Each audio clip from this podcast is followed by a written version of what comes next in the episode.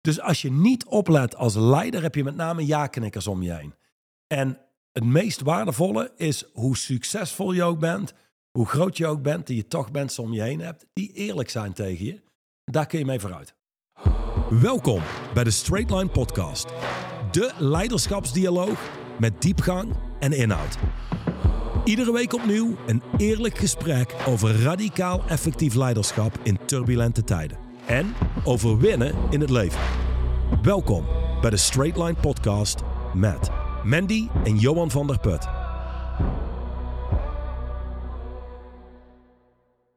Inner Stance Determines Reality. De titel van het bulletin dat we vandaag gaan doorlopen. Dat is hoofdstuk 4 van het boek Inner Stance. En dan heb ik het over het unieke boek waar er maar 5000 van gedrukt zijn. Dus als je hem nog niet hebt, zorg dat je je handen krijgt aan dat boek. Um, Johan, lief schat, meneer Van der Put. Of hoe ik je ook uh, uh, aan moet spreken in deze podcast. Meneer is prima. Meneer, meneer.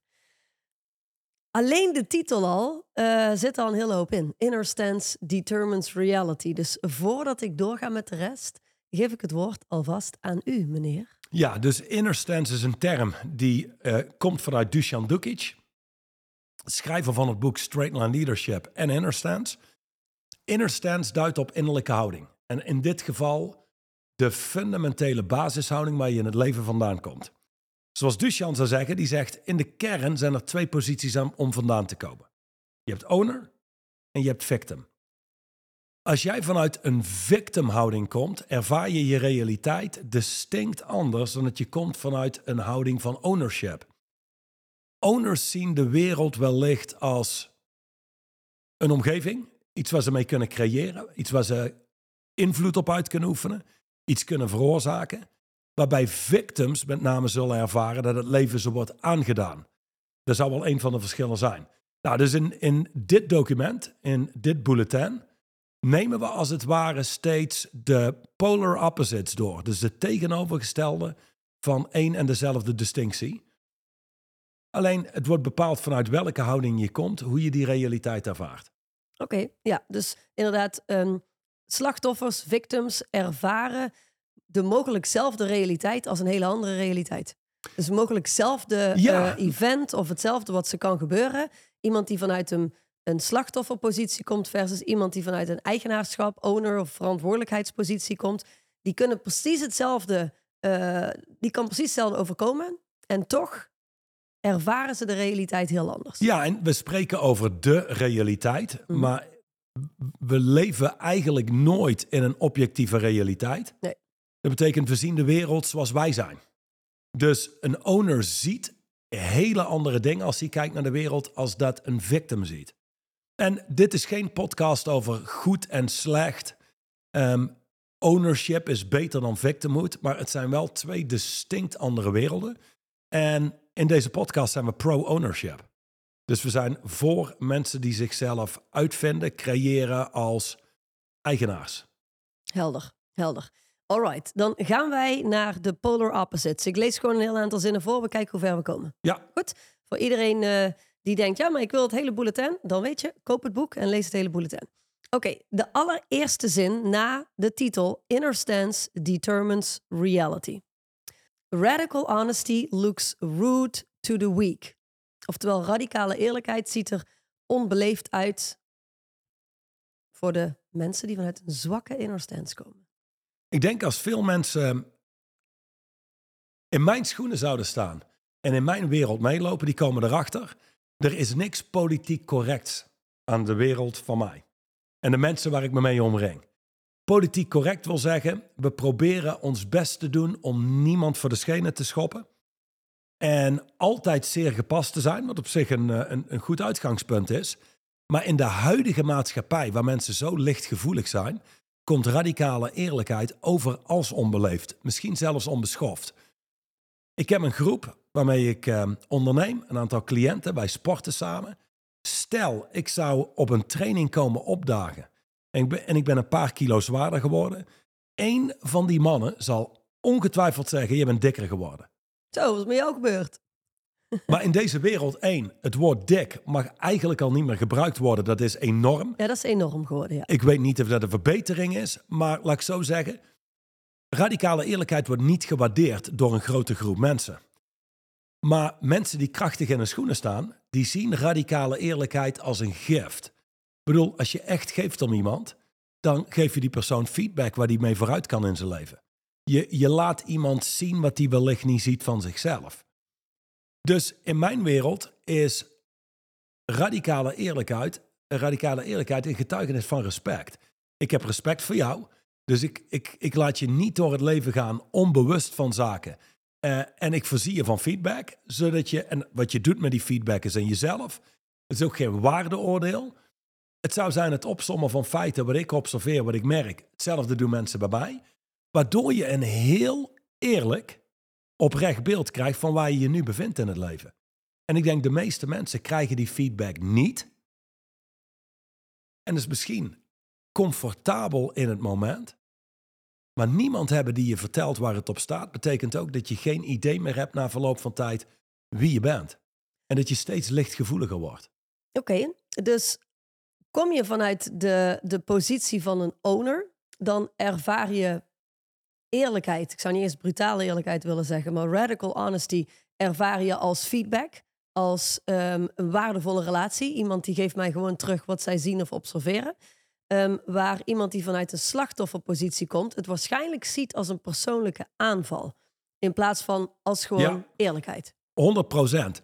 En hetzelfde kan gezegd worden door dezelfde persoon op dezelfde toon. En toch kunnen twee mensen dat compleet verschillend ervaren. Ik zeg wel eens, ik heb de makkelijkste cliënt om mee te werken.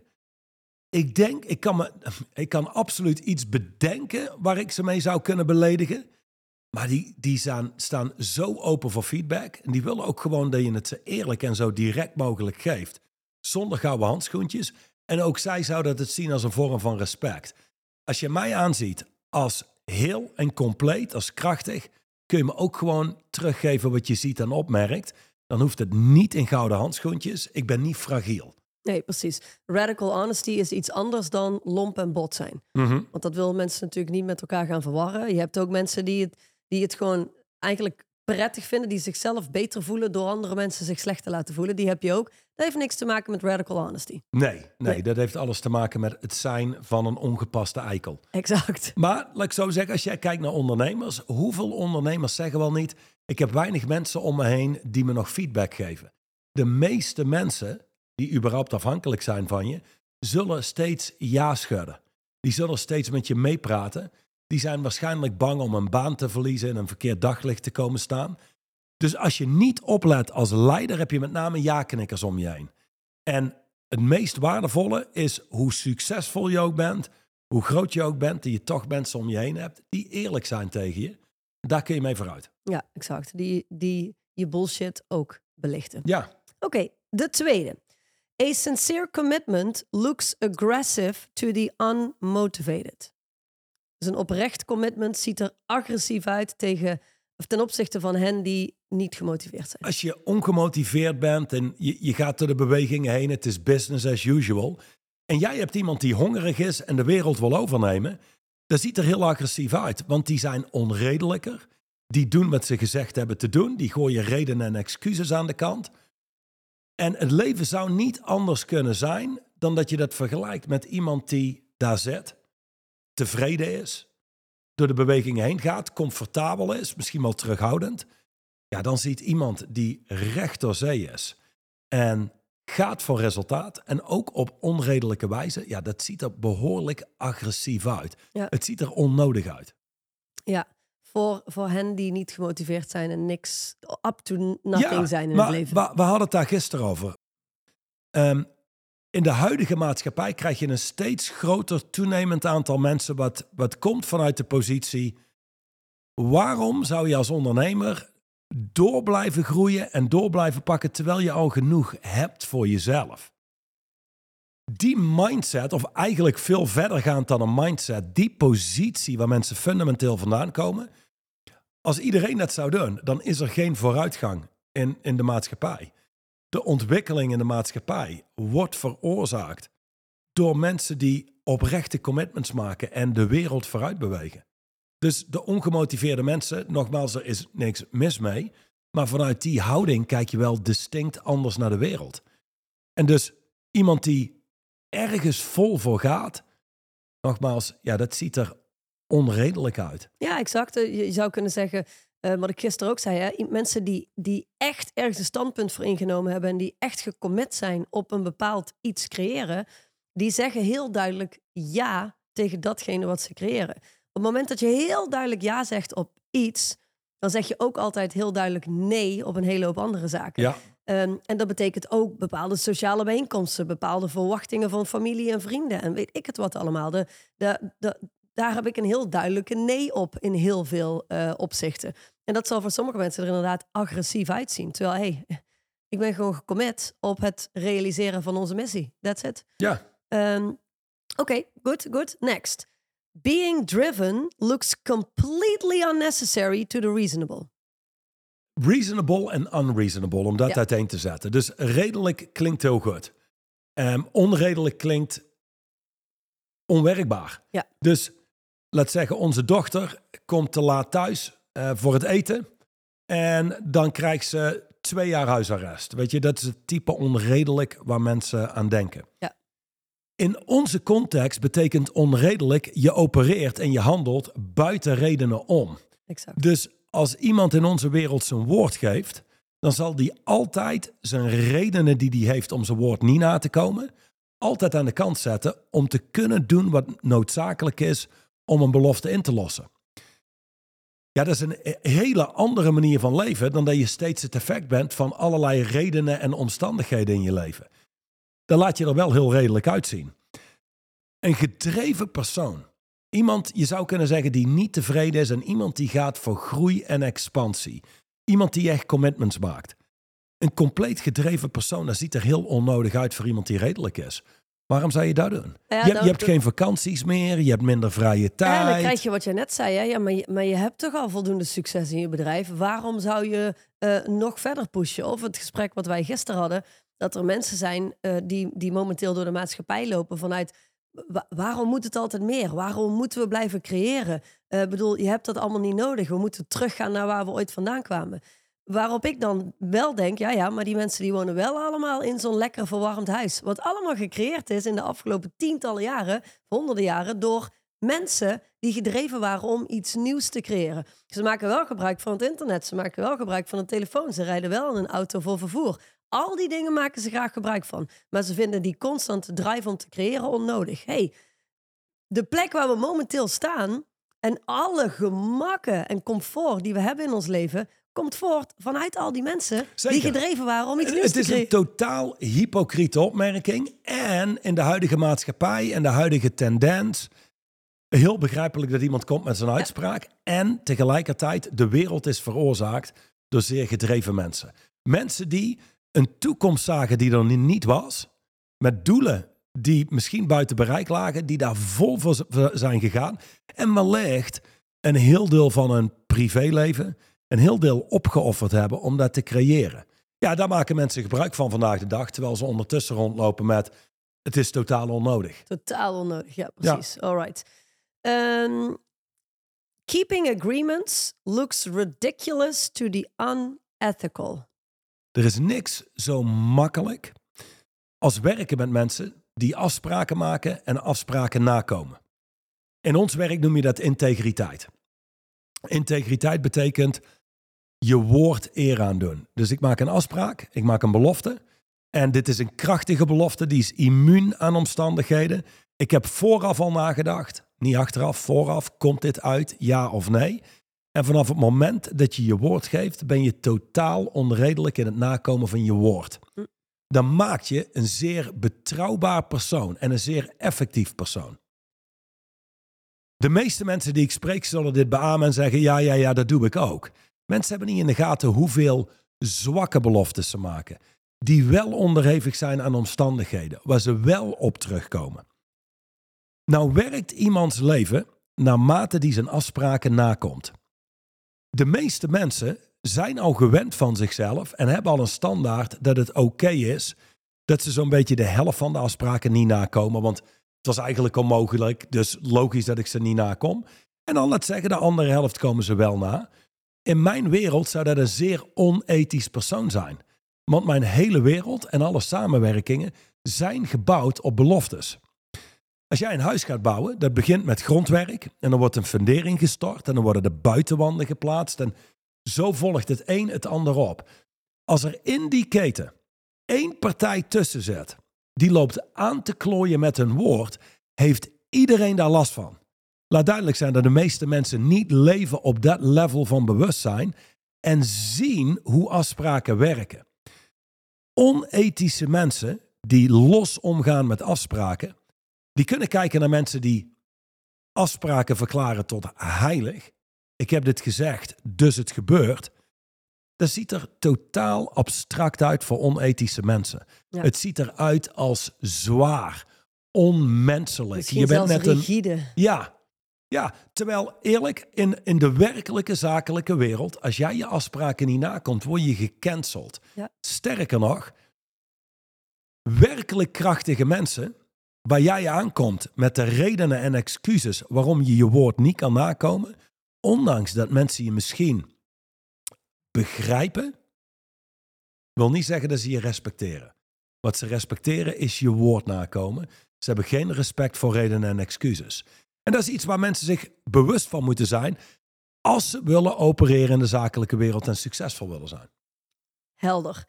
Helder. We hebben de eerste vier zinnen nu uh, gehad. En het, hetgeen wat ik even wil benadrukken is, je, je zegt een hele hoop hele goede dingen per zin. Echter, de, de kern van deze bulletin is natuurlijk dat mensen gaan zien dat inner stance, de plek waar je vandaan komt, determines your reality. Oftewel, die bepaalt hoe de realiteit voor je verschijnt. Um, dus als we daarnaar kijken, radical honesty looks rude to the weak. Als je komt vanuit een slachtofferpositie, dan verschijnt de realiteit van echte eerlijkheid dus als onbeleefd. Als een aanval. Zie je wel, ik ben niet goed genoeg. Je hebt altijd iets aan te merken. Dat is misschien die realiteit. Eh, ja, exact. En belangrijk voor mensen om te beseffen is... Um, de hoe de realiteit voor jou verschijnt, is voor jou, voor jou, in jouw beleving, is dat de waarheid. Is dat hoe het leven is. Dit is een hele goeie. Dus mensen maken geen distinctie tussen de realiteit, de feiten mhm. en hun interpretatie van de realiteit. De interpretatie is wat mensen noemen mijn realiteit of de realiteit. Ja. Dus voor, voor ehm, mensen met een zwakke inner stance is radicale eerlijkheid is onbeschoft. Exact. Het is ongepast. Waarbij mensen die komen vanuit een krachtige inner stance, radicale eerlijkheid zullen ze zien als een zegen. Dat is hun realiteit. Want nu, nu ik zie wat ik doe, nu ik die feedback heb gehad, kan ik bijstellen en doorpakken. Dit is geen waardeoordeel wat iemand geeft. Dit is een daad van liefde waarbij iemand me teruggeeft wat hij ziet bij me. We leven in dezelfde wereld, maar we leven in totaal verschillende werelden door hoe we het intern vastpakken. Ja. En daar zit het verschil. Ja, en het een is niet beter dan het ander, maar het leven van een owner is wel werkbaarder. Ja, in eerste instantie misschien zwaarder, want je bent onredelijker, je komt je afspraken na. Er zijn een aantal factoren waar je een stuk meer discipline voor nodig hebt. Uiteindelijk is het leven vele malen makkelijker. Ja, precies. Ik weet niet eens of het zwaarder is. Ik denk dat het wellicht in het begin zwaarder verschijnt. Als je een hele periode als slachtoffer door het leven bent gegaan en je besluit nu om te shiften. Want dat is natuurlijk in de kern wat ons werk is. Hè? Um, waar, waar we het hier in deze podcast over hebben, is de absolute kern van ons werk. Een shift in inner stance creëert een shift in reality. Creëert letterlijk, een shift in inner stance creëert letterlijk dat je het leven anders ziet dan voor die shift. Waardoor er andere kansen en mogelijkheden liggen. Uh, andere relaties en een hele nieuwe wereld kun je bouwen vanuit die shift. En tot slot, als je dan kijkt, weet je, ik maak zelden mee dat iemand volledig slachtoffer is in al deze distincties. Ik maak nooit mee dat iemand volledig ownership heeft over al deze distincties. En hoe je luistert is, waar kan ik mezelf helpen van misschien een minder krachtige kant naar een krachtigere zijde? Precies. Zodat ik meer kracht op mijn beschikking heb en power om door het leven heen te gaan. Helder, helder. Oké, eh, dus dat zijn die eerste vier. Dan gaan we door naar uh, vier nieuwe. Laser-like focus looks weird to the scattered. Um, zo komt hij weer, als je kijkt naar de realiteit die gecreëerd wordt vanuit je inner stance, ziet voor iemand die scattered is, die, die altijd met duizend en één dingen tegelijk bezig is, de, de fake serial entrepreneurs, um, die voor hun verschijnt een laser-like focus als vreemd. Vreemd en misschien saai. Ja. Ook weer rigide. Je, scattered betekent um, onze aandacht gaat overal naartoe. Als jij een, zoiets simpels hebt als een zakelijke meeting, dan heb je altijd mensen die spreken die wat meer saai klinken, wat meer woorden nodig hebben, wat trager zijn in hun spreken. Veel mensen haken daar al af. Die schieten in hun hoofd, zijn bezig met totaal andere zaken. Mensen met een laser-like focus, die gefocust zijn als een laser, die blijven daar aanwezig. Ik heb ooit één dame gehad. Ik zat met haar en haar man in gesprek. En zij zegt zo na een paar minuten, kijkt ze me aan, zo. Wat verstrooid, zegt ze. Ik kan moeilijk naar je luisteren. Zei ik, permissie om vrij te spreken? Zij zo, ja, en jij kent deze dame en je kent, je kent de man ook. Ik zal straks vertellen wie het waren. En ik, ehm, ik zeg, oké, helder, dankjewel. Dit is niet zozeer feedback voor mij, met alle respect. Maar als jij moeite hebt om naar mij te luisteren, eerlijk, dan ga je een groot probleem hebben in het leven. Want als jij in een gemiddelde meeting aansluit, de meeste mensen zijn niet eens in staat om te spreken zoals ik. Om in ieder geval nog je aandacht te pakken. Dus als je dit hebt bij mij, blijf weg uit de zakelijke wereld. Want je gaat uitchecken in meetings. Je gaat niet meer horen wat anderen zeggen. Je hoort alleen nog wat er intern gezegd wordt. En dat is, oh, dit is saai. Oh, hier kan ik mijn aandacht niet bij houden. Blijf weg uit meetings. daarin zul je jezelf moeten bouwen als iemand die daar komt opdagen met focus, met aandacht. En we leven in een tijd waarin alles en iedereen schreeuwt om aandacht. Vroeger had je YouTube, YouTube en dan was het, je maakte voor jezelf een video en die uploadde je en dan mensen keken naar die 10, 20, 30 minuten durende video. Maar tegenwoordig, wat het meest populair is, zijn shorts van een minuut of minder. Muzieknummers, toen wij jonger waren, laat zeggen tien jaar oud, die waren rond de vier minuten. Ik denk tot en met een jaar of tien geleden zat het gemiddeld op 3,5 minuut. De muzieknummers nu zijn vaak nog geen drie minuten. Onze aandacht en de, eigenlijk de aandachtspan die we hebben, het bereik, is zeer kort. Als ondernemer, als leider, kun je dat nooit toestaan en je kunt nooit het effect zijn van dingen om jezelf. Je zult moeten betalen met je aandacht. Maar als jij effect gaat zijn in meetings, dus er was de dame die zei, ik kan moeilijk luisteren naar je. Ik uh, heb moeite om mijn aandacht erbij te houden. Ja, ik heb geen idee wie dat moet doen. YouTube shorts gaan bekijken, want dat duurt een minuut maximaal. Als jij een meeting hebt van een uur en jij kunt niet een uur lang zelf je aandacht daar plaatsen. En het is, nee, om een aandacht daar te plaatsen, moeten mensen uitnodigend spreken. En ze moeten zus en ze moeten zo. Well, you're not a leader, you're a follower. Dat is gewoon niet gezond. Dus laser-like focus is essentieel voor een ondernemer. En die laser-like focus ziet er heel apart uit voor iemand die zichzelf altijd toestemming geeft om gewoon simpelweg uit te checken. Ja, um, iemand die in diezelfde meeting met die dames zou hebben gezeten, die super gefocust was, uh, op ieder woord van jou uh, zeg maar uh, aanhaakte en constant in conversatie was en er volledig bij was, zou er waarschijnlijk vreemd uitzien voor haar. Ja. Ja, dus daar zie je het weer. Je hebt de owner, die neemt ownership, eigenaarschap over zijn eigen focus. En een slachtoffer die, ja, die, die uiteindelijk um, erbij kan blijven als iemand voldoet aan haar checklist. Want daar zul je gewoon niet aan voldaan hebben. En als iemand voldoet aan haar checklist en de dingen zegt die zij prettig vindt om te horen, dan zal ze waarschijnlijk voor haar gevoel niet zoveel moeite hebben om erbij te blijven.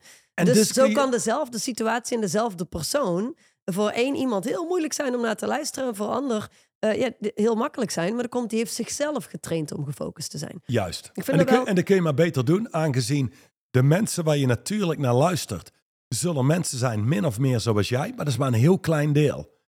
Dus je zult jezelf moeten bouwen als iemand die aanwezig is. Ja, 100 procent. En Ehm, ik denk dat het heel belangrijk is om te realiseren, zeker voor ondernemers, zakelijk leiders. We leven inderdaad in een tijd waarin de, de, de spanningsboog van mensen extreem kort is. Daar zul je op in moeten spelen als ondernemer. Ik bedoel, wij hebben ook shorts op, op YouTube of TikTok of weet ik van waar al die dingen van ons zitten. Ehm, eh, omdat dat is nou eenmaal wat werkt in deze tijd. of het werkt, eh, dat, is, ja, dat is wat mensen willen. Dat is, wat, dat is content die ze zeg maar kunnen verteren. Um, dat neemt niet weg dat je dat van jezelf niet wil accepteren. Dat neemt niet weg dat je jezelf niet wil trainen. Ik wil echt iedereen die luistert uitnodigen. Dat als je iemand bent die graag podcast luistert, die video eh, bekijkt, die documentaires bekijkt, dwing jezelf ook één keer in de zoveel tijd om een boek te pakken en hem van voor tot achter uit te lezen. Um, in Zweden, heb ik van de week gelezen, hebben zijn ze tot de conclusie gekomen dat de uh, scholen en het onderwijs afscheid moet gaan nemen van iPads en alle elektronica. Omdat de ontwikkeling van de kinderen uh, zoveel trager gaat en de breinontwikkeling van kinderen zoveel trager gaat dan in de tijd dat ze gewoon met pen en papier werkten en boeken moesten lezen. Want dat, dat, dat vraagt om je focus er langer bij te houden dan al die flashy shit die je tegenwoordig overal hebt. Dus ehm, ja, als ondernemer zul je in moeten spelen op waar de maatschappij zich begeeft. En ja, als leider zul je jezelf willen creëren als iemand die uniek is in die maatschappij. Laten we eerlijk zijn. Als wij een podcast op zouden nemen, volledig gefocust op ons werk, met een hoop diepgang en inhoud, heb je soms al een half uur nodig voor de introductie van een onderwerp en een volledige context te scheppen. Dat gaat bijna niet meer met de meeste mensen, want die zijn binnen dat half uur al 18 keer afgeleid. Dus een leven met diepgang en inhoud vereist focus, vereist je aandacht. Nou, wat ik net zei als aanvulling hierop, en dan zullen we doorgaan. Als jij een podcast luistert, als jij dingen hoort waar je het mee eens bent, is het makkelijker om je aandacht daarbij te houden. Als jij zaken hoort waar je het niet mee eens bent, dan wordt het moeilijker om je aandacht erbij te houden, omdat er zo'n rel intern ontstaat. De meest waardevolle dingen om te horen zijn vaak niet de dingen waar je het al mee eens bent, want dat leef je al en dat doe je al. Het meest waardevol kan zijn, is als je iets conflicterends hoort. Betaalt met je aandacht, in andere woorden, je blijft luisteren en je blijft erbij. En je doet daar een aantal zaken op, leert een aantal zaken die nieuw zijn, waar je iets nieuws mee kunt creëren. De meeste mensen zijn niet in staat om het te horen, want die zijn inmiddels al naar fantasieland. Ja, dat is ook een manier om het te trainen, inderdaad. Luister eens naar mensen waar je het niet mee eens bent en luister eens naar wat ze werkelijk zeggen. Uh, dat is een hele goeie. De bottom line, denk ik, um, los van het feit dat, dat het niet de, de kern is van dit bulletin, maar is een laser-like focus creëren in deze tijd goud waard. Als in goud waard. Dan ben je zoveel mijlen ver uh, op de rest van de wereld. Heb je zo'n grote voorsprong. Um, dat, uh, nogmaals, ik absoluut adviseer, ga eens wat meer boeken lezen. Ga jezelf eens af en toe, ik zou bijna willen zeggen, vervelen. Weet je, creëer eens meer rust. En dan kom je erachter, kunt blijven. als je daar verveeld zet, schaakmat. Want er is niks buiten jezelf wat je verveelt. Dat gebeurt intern. Ja, absoluut. Goeie ervaring. Good. Alright, uh, we doen er nog drie als ik kijk naar de tijd. En dan zijn er nog acht over die mensen zelf uh, kunnen ontdekken als ze het boek lezen. Boundless energy looks stressful to the passive. Ik zag een YouTube short, wat ik doorgestuurd kreeg, van een stel hele fitte, gespierde twintigers. En het ging over slaap en het ging over energie. En ik hoor die mannen spreken over, je hebt acht uur slaap nodig. Je hebt mensen die slapen maar vijf uur per nacht. En die voelen zich eigenlijk altijd shitty, was een woord. Oh. En ja, als dat jouw gevoel is van door de wereld heen gaan, dat is misschien prima voor jou. Maar wil jij uh, gewoon echt fit door het leven, ja, dan moet je gewoon minimaal die acht uur slapen. En toen dacht ik, wat is er eigenlijk mis met de jeugd? Hm. En wat bedoel ik? Ieder mens heeft slaap nodig. Sommige mensen hebben acht uur slaap nodig. Anderen zullen hier luisteren en zeggen: Ik slaap nooit meer dan zes uur en ik voel me perfect. Maar als je kijkt naar boundless energy, onbegrensde energie. Weet je wat het meest vermoeiend is in het leven? Leven met de rem erop. Terughoudend zijn. Terughoudendheid stamt af van angst. De angst van mensen, waar ieder mens mee rondloopt, is de angst om oncomfortabel te zijn.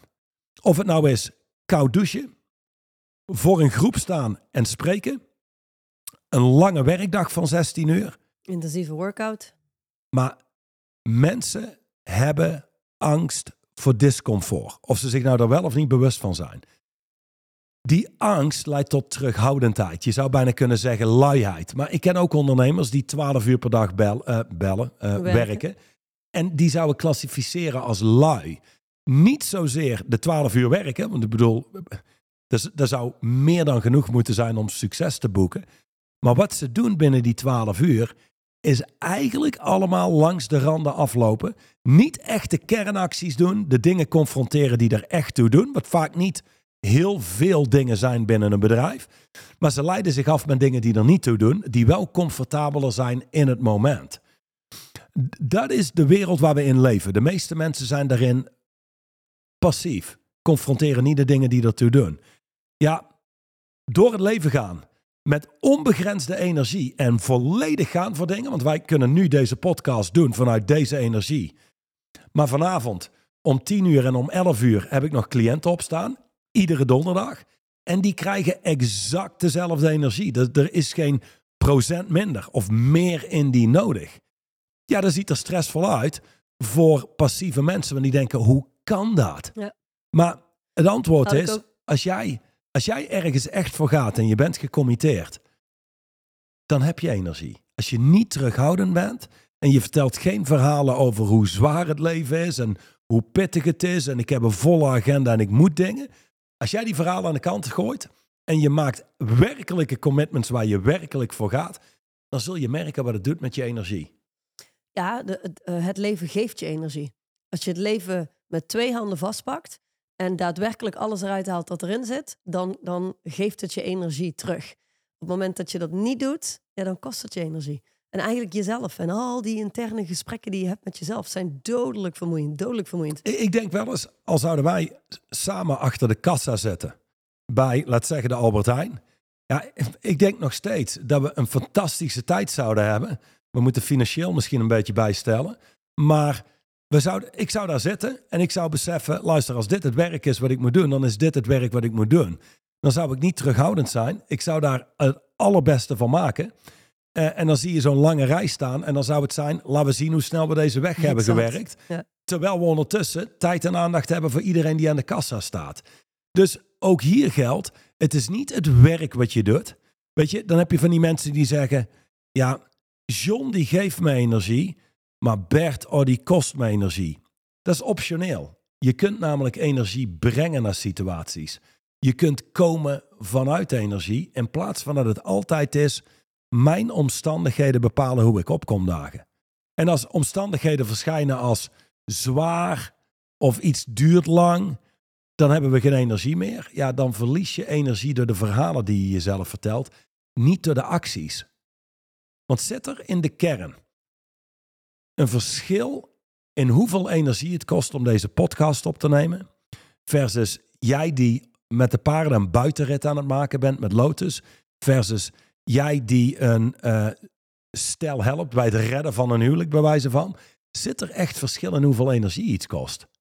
Uh, voor mij niet. Als je de verhalen weghaalt, niet. Nee. En als je dan energie brengt en je merkt ook, denk aan een workout, je hebt geen energie. Vervolgens start je met je workout en je bent in actie. Dat geeft energie. Dat is niet alleen maar een workout. Hetzelfde geldt voor je werk. En de terughoudendheid kost energie. Dat is de victim kant. En de ownership kant betekent ik kies te doen wat ik voor me heb zonder terughoudendheid. Dat genereert energie. Als mensen die distinctie kunnen maken, nou, dan kun je dus met onbegrensde energie door de, door de wereld heen. En je zult nog steeds af en toe een keer moeten slapen. Ja, exact. We zeggen niet uh, be ridiculous, maar uh, oké, helder. Um, dus daar komt hij weer. Hoe de realiteit verschijnt voor iemand die dus passief is, is dat iemand anders met boundless energy een soort van stressvol eruit ziet voor zo iemand. Dat je denkt, ja, maar ja, maar dat, dat kan helemaal niet. Ik had van de week een gesprek met, uh, met mensen die mij vroegen, als jij, we, vliegen natuurlijk regelmatig naar San Francisco of dit jaar naar Las Vegas. Maar hoe doe je dat dan? Hoe lang blijf je er dan? Ik zeg, nou ja, bij voorkeur vlieg ik op vrijdagochtend kom ik vrijdagmiddag in San Francisco aan. En ehm, ga ik direct naar het hotel, werk ik tot laat in de avond. Ehm, slaap ik een uurtje of vijf, sta ik 's ochtends op, train ik, werk ik weer tot laat in de avond. Slaap ik een uurtje of vijf, zondagochtend werk ik ook nog hè, samen met Dushan. En dan stap ik in het vliegtuig en dan vlieg ik terug. Dat is ideaal, want dan land ik op maandagochtend op Schiphol. En dan kan ik direct mijn hele week gewoon oppakken. Ja. Voor mensen ziet dat eruit, kwam ik achter. Want voor mij is het de normaalste zaak van de wereld. Ik heb daar nooit over nagedacht. Ik vond het alleen maar handig. Je ontloopt de jetlag en alles. Ik dacht, het is ideaal. Maar ik kwam er dus achter dat voor andere mensen dat eruit ziet als... Oh my god, maar normaal gesproken als je toch terugkomt van zo'n reis... dan moet je wel even twee of drie dagen rusten en bijkomen... voordat je weer aan je leven kan beginnen. Dus het ziet er inderdaad stressvol uit voor mensen uh, die passief zijn... Ja, deze, als je boundless energy hebt. Deze groep mensen, met, laat ik zo zeggen, de huidige maatschappij... en we zouden terugvallen in tijden waarbij je moest jagen... en zelf voor je eten moet zorgen... en zelf hout moet sprokkelen voor een kampvuur... dat zou eruit zien als enorm stressvol. Want, hé, hey, wacht. Uh, het konijn wat we gisteren hebben gevangen en 12 kilometer hebben, hebben moeten narennen, ja, die is op. We hebben weer nieuw nodig. Dat zou pas stressvol zijn, dan gaat het over overleven. Dus het is ook, soms vergeten we waar we van afstammen, heb ik het idee. Hm, ja, absoluut. Oké, twee uh, zinnen nog. En nogmaals, de rest is voor de lezer thuis. Being unstoppable looks crazy to those who have given up. In de tijd van COVID kan ik mij herinneren, daar hadden we de eerste lockdown. Dan moesten natuurlijk best wel wat restaurants uh, uh, sluiten. Er waren een hoop consequenties. Ik merkte dat de restaurants moesten sluiten. Maar heel veel ondernemers daar hebben ergens opgegeven. Niet de restauranteigenaar, maar uh, ondernemers in het algemeen. Oh, wie, mensen moeten nu vanuit huis werken, dat is toch wel lastiger. En dat was voor ons de tijd. Ik weet nog, wij zouden eigenlijk naar Las Vegas gaan. Dit is nog voor de eerste lockdown. Toen hoorden we van COVID. Toen hebben we maar besloten, we gaan het risico niet nemen. Dat we dadelijk in Las Vegas zitten. Ja, en niet meer terug kunnen ja, vliegen. 10 of 15 maart of zo zouden we daar zitten. En 20 ja, maart ging hier de, de... Exact. Dat weekend voor de lockdown zijn wij gaan zitten. Digitaal met Dushan. Hebben we de Black Swan Project geschreven. En daar hebben we vol mee doorgepakt. Het team van consultants zat op die maandag. En die keken elkaar aan en die zeiden... Ja, dit wordt wel een heel stuk moeilijker. Waarop jij voorbij liep en zei... Moeilijker? Mensen hebben ons meer nodig dan ooit nu. Mm. In tijden van onzekerheid hebben mensen helderheid nodig. Op zijn minst wat we kunnen doen, is mensen helpen bij het verschaffen van helderheid, zodat ze door kunnen pakken. Dat heeft een enorme versnelling gegeven binnen ons bedrijf. Nou zitten wij in de, de coaching-industrie. Maar de meeste mensen in onze industrie hebben een hoop geld verloren. Een hoop momentum verloren. Maar dit voor ons veruit het beste is wat ons ooit is overkomen. Vanuit daar is alles binnen ons bedrijf in een stroomversnelling gekomen. Nu, niet stoppen en doorzetten dat betekent je blijft gebruik maken van momentum. Dat betekent dat zaken snel op blijven bouwen, dat je een hoop resultaat boekt. Dat ziet er ongeloofwaardig of raar uit voor mensen die opgegeven hebben. Nu, er is niemand die nu luistert en zegt: Ah ja, ja, ja. Nee, ja, dat klopt. Nee, dat klopt. Ik heb opgegeven. Maar opgeven is ook dit. Ik, uh, ik kreeg op een gegeven moment iemand doorverwezen. Een ondernemer zat in. Uh, in koeltechnieken en in ijsmachines. En die bellen op en die zeggen: Ja, ja we hebben jouw nummer van die en die. En uh, we zouden eens willen kijken of het nuttig zou zijn om met elkaar te werken. Ik zo: Oké, oké. Uh, waar kan ik jullie mee helpen? En die man zet uiteen: Nou goed, ik ben twintig jaar geleden begonnen met mijn bedrijf. Heeft dat uitgebouwd naar een bedrijf wat ongeveer een 100 miljoen euro omzet. Dus echt wel een mooi uh, bedrijf. Zegt hij: Ja, ja, de concurrentie is aan het groeien. Dus wij zijn aan het kijken en we zijn op zoek naar iemand die ons kan helpen om dit gewoon stabiel te houden. Mm. En ik was stil en ik luister zo naar hem en ik zeg, uh, ik eens vragen? Wanneer hebben jullie eigenlijk opgegeven? En die man zo, pardon? Ik zeg, wanneer hebben jullie eigenlijk opgegeven? Want als jij jezelf zo zou horen spreken zoals nu, maar ik vraag dit aan de persoon die je was toen je net startte. Ik wou zeggen die dit bedrijf gestart is. Wat zou die zeggen? En die man is stil. Hm. Vanuit die positie zegt hij: zou ik zeggen, dan heb je gelijk, dan heb ik opgegeven. Maar, en vervolgens komt er een heel betoog waarom hij niet heeft opgegeven. De bottom line is, hij heeft opgegeven. Hij ziet het niet meer voor zich om in de toekomst met zijn organisatie te groeien. Dat heeft hij opgegeven. En dat is oké, maar dan is het tijd om te verkopen. Uiteindelijk wel, 100 procent. Dan is het tijd om gewoon een ander pad te gaan bewandelen. Exact. En veel ondernemers hebben opgegeven. Dit is wat het is. We kunnen er niet meer van maken. Weet je, degene die onstopbaar is en maar door blijft pakken, laten we heel eerlijk zijn. Tien jaar geleden hadden we een heel aantal mensen zeiden, mooi wil jullie bouwen, maar wij gaan jullie voorbij. Geen één van die mensen zit überhaupt nog in dit werkveld. Of in de buurt. Ja, wij hebben al die jaren gewoon doorgezet. Ja, voor mensen die hoppen van het een naar het ander en opgegeven hebben. Ja, weet je, dat ziet er crazy. Ja, gek. Het ziet er gek, vreemd uit, ja, inderdaad. Maar er is uiteindelijk maar, als je het vraagt aan mij, maar één manier van leven. En dat is gewoon, je stopt jezelf niet. Je blijft gewoon doorgaan. Ja, ja dat is being unstoppable, dat is driven, dat is having a laser-like focus, dat geeft je boundless energy. Dus het is allemaal aan elkaar te koppelen. En dat is de wereld van owners. Dat is de wereld van owners. En ik denk dat het heel belangrijk is om te realiseren dat iedereen die denkt, ja, maar ik ben een owner, ik ben een owner, precies zoals jij er straks zei. We hebben allemaal een stuk slachtoffer in ons en allemaal uh, een, een deel ownership in ons. Um, bij sommige mensen is het ene deel heel groot het andere deel heel klein, bij anderen andersom. Uh, maar ik kan je wel zeggen dat iedereen die ik ken, die echt als een owner op het speelveld staat en die verantwoordelijkheid neemt voor zijn haar leven, is altijd ook scherp op Waar ben ik maar slachtoffer aan het gedragen? Dat, is heel simpel. Voor degene die nu luistert en denkt, ik heb een hele hoop ownership. Mooi, gefeliciteerd. Maar de mensen die je kent die het meest krachtig zijn, waarom dat zo makkelijk mee te werken is, is daar kun je radicaal eerlijk tegen zijn. Ah, en die zijn ook eerlijk over hun eigen zwakte. Ja, en, en het mooie is, we hadden laatst een oefening waarbij mensen zichzelf moesten beoordelen. En je ziet een verschil tussen de grootste ondernemers waar we mee werken, de meest bewuste ondernemers en, en vaak de wat kleinere ondernemers. We hebben twee gasten, komen hier ook nog uit de omgeving. Ah, die zien zichzelf echt als een God gift to mankind. Hm. Als je vraagt aan mij, zijn het twee leuke gasten. Wel bange ondernemers, onbewuste ondernemers, kleine ondernemers. Maar die zien zichzelf als de volgende Jeff Bezos. En dan heb je echt grote ondernemers met organisaties die honderden miljoenen omzetten, wat iets zegt over de complexiteit van het bedrijf en vaak over hoeveel mensen erbij betrokken zijn. Die beoordelen zichzelf veel lager, wat, wat de mogelijkheid biedt tot veel meer groei. Ja, die blijven kritisch. Ja. Oké, de allerlaatste. Ik denk dat het mooi is om mee af te sluiten.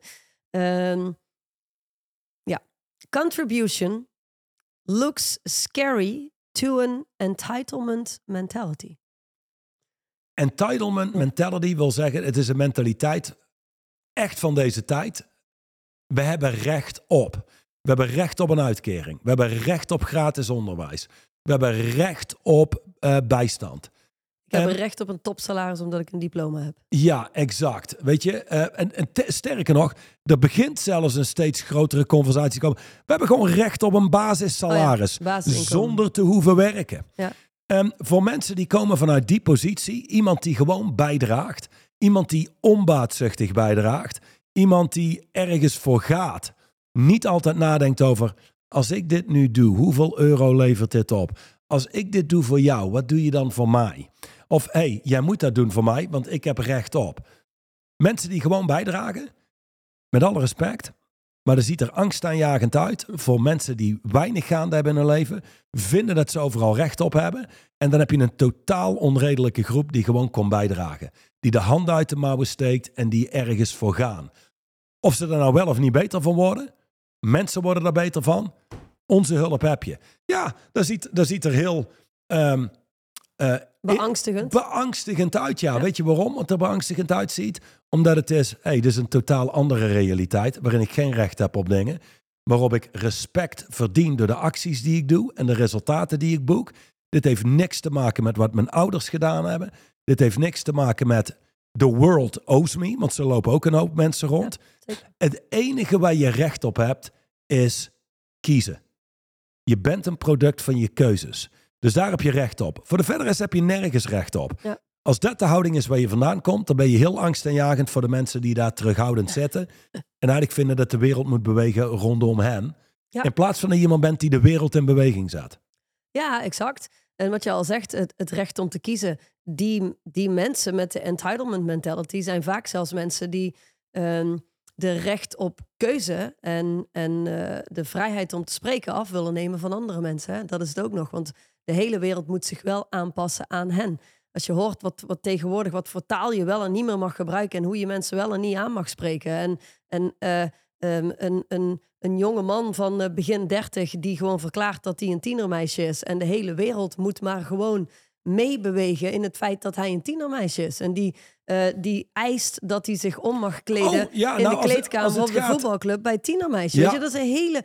Dat is echt de ultieme vorm van een entitlement. Maar wat denk je van mensen die komen met pronouns? Pronouns. She, her. Hij, zij, -hmm. uh, they, them. Ultieme vorm van entitlement mentality. Precies. Dus, ja. oké, okay, wacht.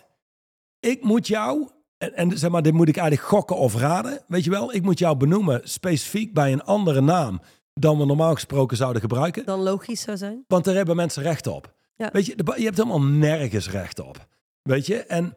Um, ja, daarna on, da, daarmee ontnemen ze um, ons niet, of, of als dat van mij zouden eisen, ontnemen ze mij een bepaald recht om te kiezen. Uh, ontnemen ze ouders en tienermeisjes een recht om te zeggen: nee, nee, niks ervan. Dat is een jonge kerel van in de dertig. Die gaat niet omkleden bij mijn dochtertje van 15 in de kleedkamer. En het rare is in deze wereld dat er dus nog een grote groep is die dat serieus neemt. Exact. En die hele, ik heb recht op, ik heb recht om. Dit is eigenlijk te van de pot gerukt voor mij om überhaupt een serieus gesprek over te voeren. Mm -hmm. Maar een kerel van 30 die zich identificeert als een meisje van 16 en daar wil douchen met die meiden, dan heb je een, een mentale stoornis, laat het duidelijk ja, zijn. Want er iets niet, is er iets niet goed? wie je bent en hoe je jezelf ziet zijn twee verschillende werelden. Um, maar daar ook al die aandacht aan geven, los van psychiatrische hulp, is totaal van de pot gerukt.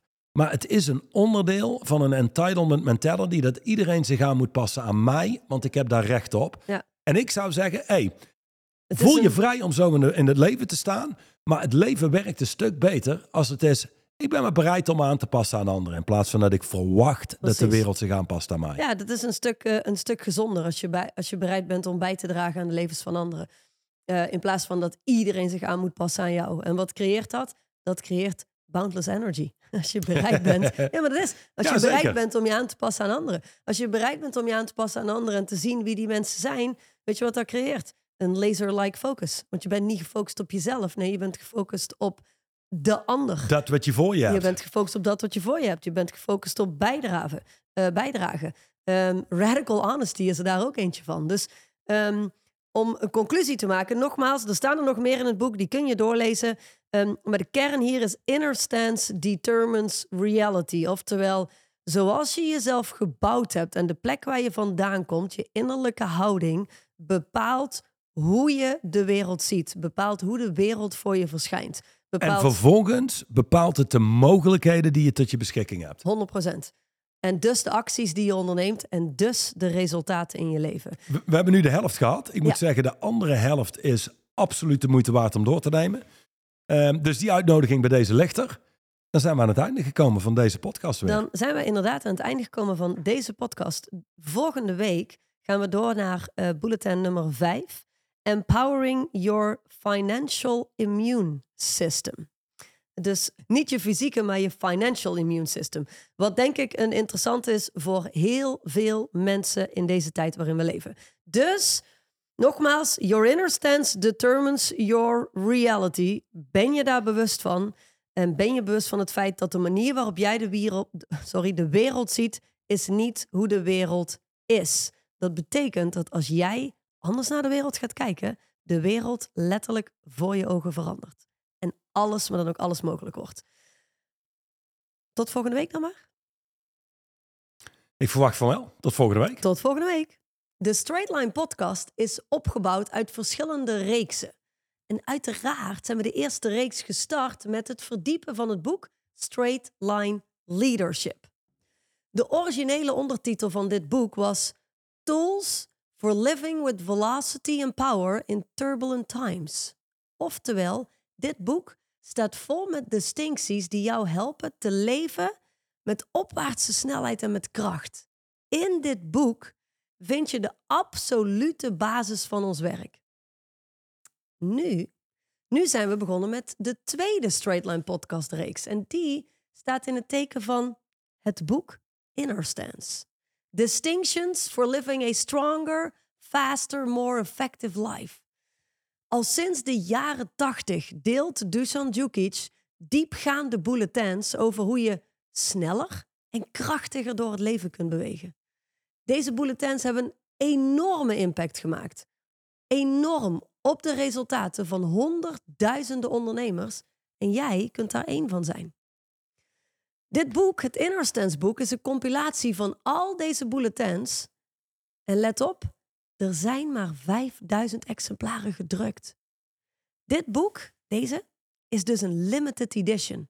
Er komt namelijk geen herdruk. Dus wees er snel bij. Zorg dat je je handen krijgt aan dit boek. En volg uiteraard deze podcast.